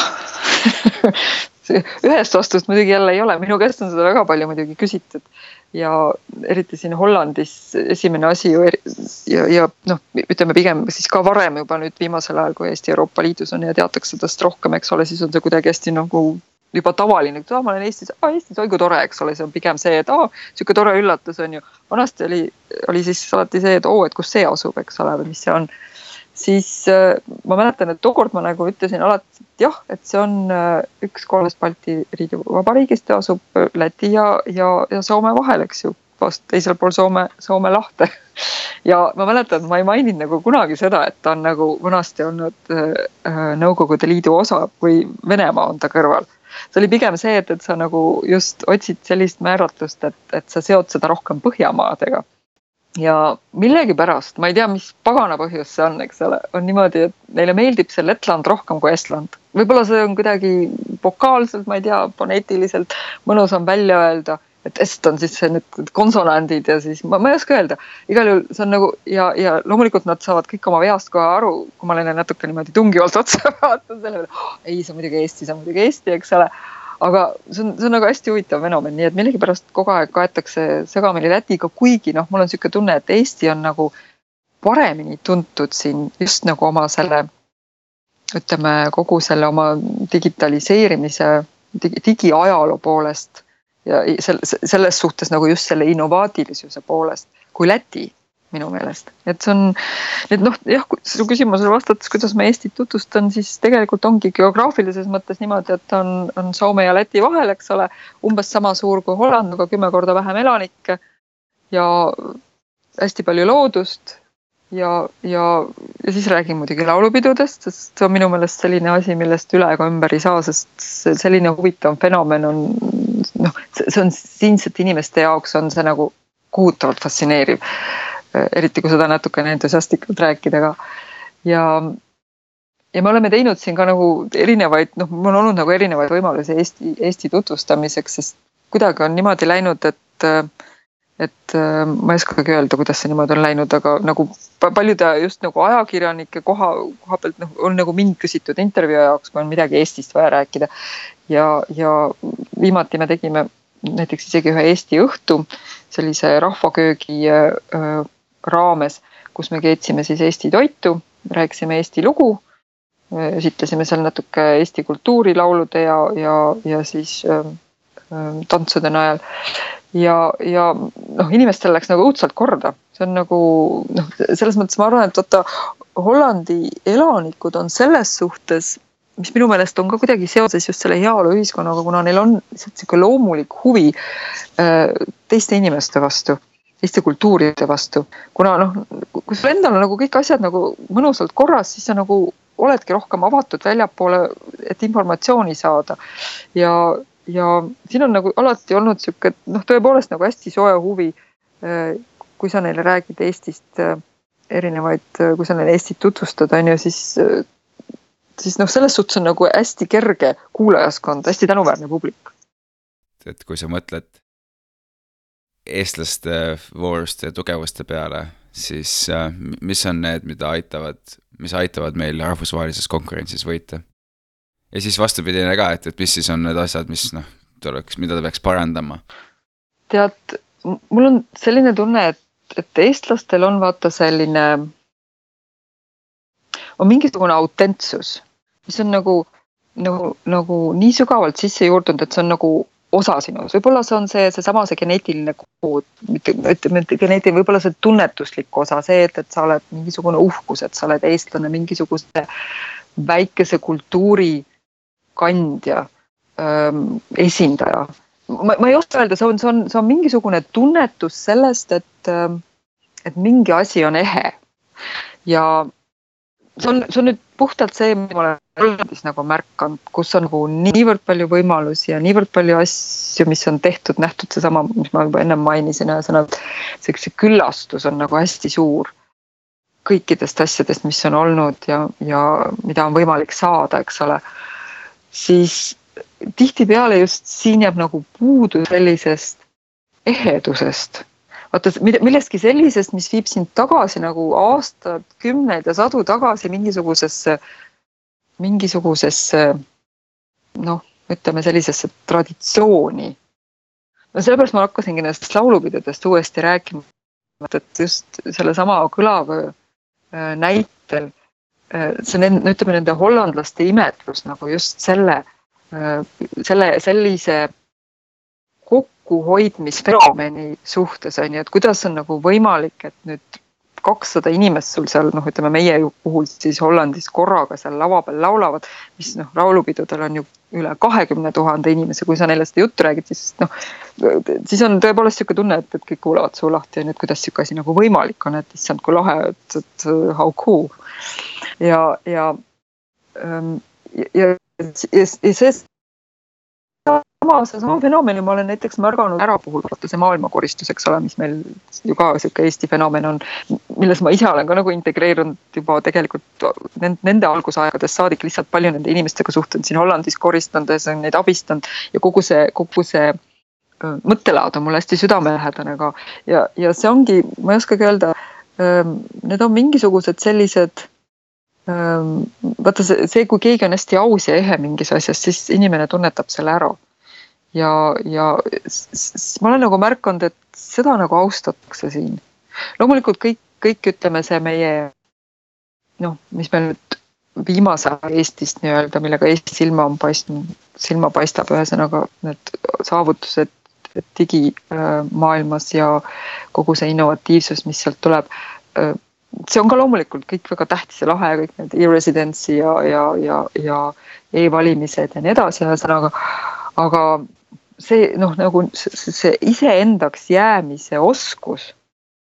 mis ilmselt noh, omab neid juuri kuskil väga sügavas selles meie enesemääratluses või enese tead-, teadvustamises. see on just minu meelest see, mis, mis, mis inimesi siin nagu haarab. noh, ma mäletan näiteks seesama, kui me noh, esitlesime tookord see Eesti õhtu, kui meil siin oli, siis ma tegin mingisuguse presentatsiooni oma perekonna kohta ja, ja, ja üleüldse nagu natuke Eesti ajalugu ja kõike nagu segamini seal noh, näitasin ühesõnaga ja mingi moment ma jõudsin selle, selleni välja, kui ma rääkisin seda, kuidas minu ema, minu, minu vanaema olid Siberisse saadetud ja mu ema oli siis nelja-aastane, eks ole, ja, ja, ja noh, mis tema siis põhimõtteliselt teinud oli ja noh, täiesti. ja, ja see, ma ei olnud seda ise kunagi noh, niimoodi kogenud, ma teadsin seda, et see oli meil perelugu, seda oli räägitud, eks ole, juba hästi palju, see oli põhimõtteliselt pähe kulunud, aga mul ei olnud mitte mingit emotsiooni sellega, loomulikult noh, sa mõtled järele, et et täiesti noh, ajuvaba, eks ole, sihuke asi sündima on saanud, eks ole, ja ja, ja mis inimesed pidid seal kõik kogema ja nii edasi, eks ole, aga, aga emotsioon nagu puudus, ütleme isiklik emotsioon, mis on ka täiesti loogiline, on ju. Ja see moment, kui ma seda jutustasin, eks ole, siis ma rääkisin seda nagu tegelikult ütleme kogu Eesti rahva eest või ütleme, minu perekonna tasandil, minu enda ema ja vanaema eest, eks ole. ja, ja noh, täiesti noh, kontrollimatult pisarad voolasid ühesõnaga ja siis ma vaatasin saali ja näen, inimesed istuvad jälle, kõigil pisarad jooksevad onju ja siis ma mõtlesin, vau. vaata, see oli selline moment, et kui sa nagu tunnetad, et sul nagu sinu enda ehedusest, mida sa noh, nagu südamest räägid, ühesõnaga saadakse aru ja seda väärtustatakse. ja, ja mul on niisugune tunne, et vaata see, eestlasel on olemas see see noh, ütleme see, see võimalus nagu selline olla. sest noh, tal, tal on lihtsalt see pagas olemas ja, ja mida rohkem ta seda nagu äh, noh, iseendana nii-öelda ennast presenteerib, seda, seda parem minu meelest. et, et see oleks tegelikult vastuseks sul sellele esimesele küsimusele, et mis meid edasi aitaks. mul on just, just, just see tunne, jah ja, ja viimane küsimus, äh, mida ma kõikidelt inimestelt küsin, on, on äh, lihtne küsimus, aga vastus on individuaalne. et äh, Eesti Vabariik saab siis sajaaastaseks üsna, üsna varsti juba. milline on sinu soov Eesti sajandaks sünnipäevaks minu soov Eesti sajandaks sünnipäevaks ja noh, loomulikult ma sooviks seda, et, et Eesti kestaks veel sada korda sada aastat, eks ole. või sada korda sada korda sada aastat on ju. ja et meil, et meil, et meil oleks ja jääks see võimalus just, just seesama võimalus niimoodi vabalt öö, olla seal, elada seal maal ja ära käia ja olla mujal ja tunda ennast eestlasena, aga just see, see, see ütleme, see võib-olla noh, eestlaste jaoks see nii tähtis, see vabaduse määratlus, eks ole.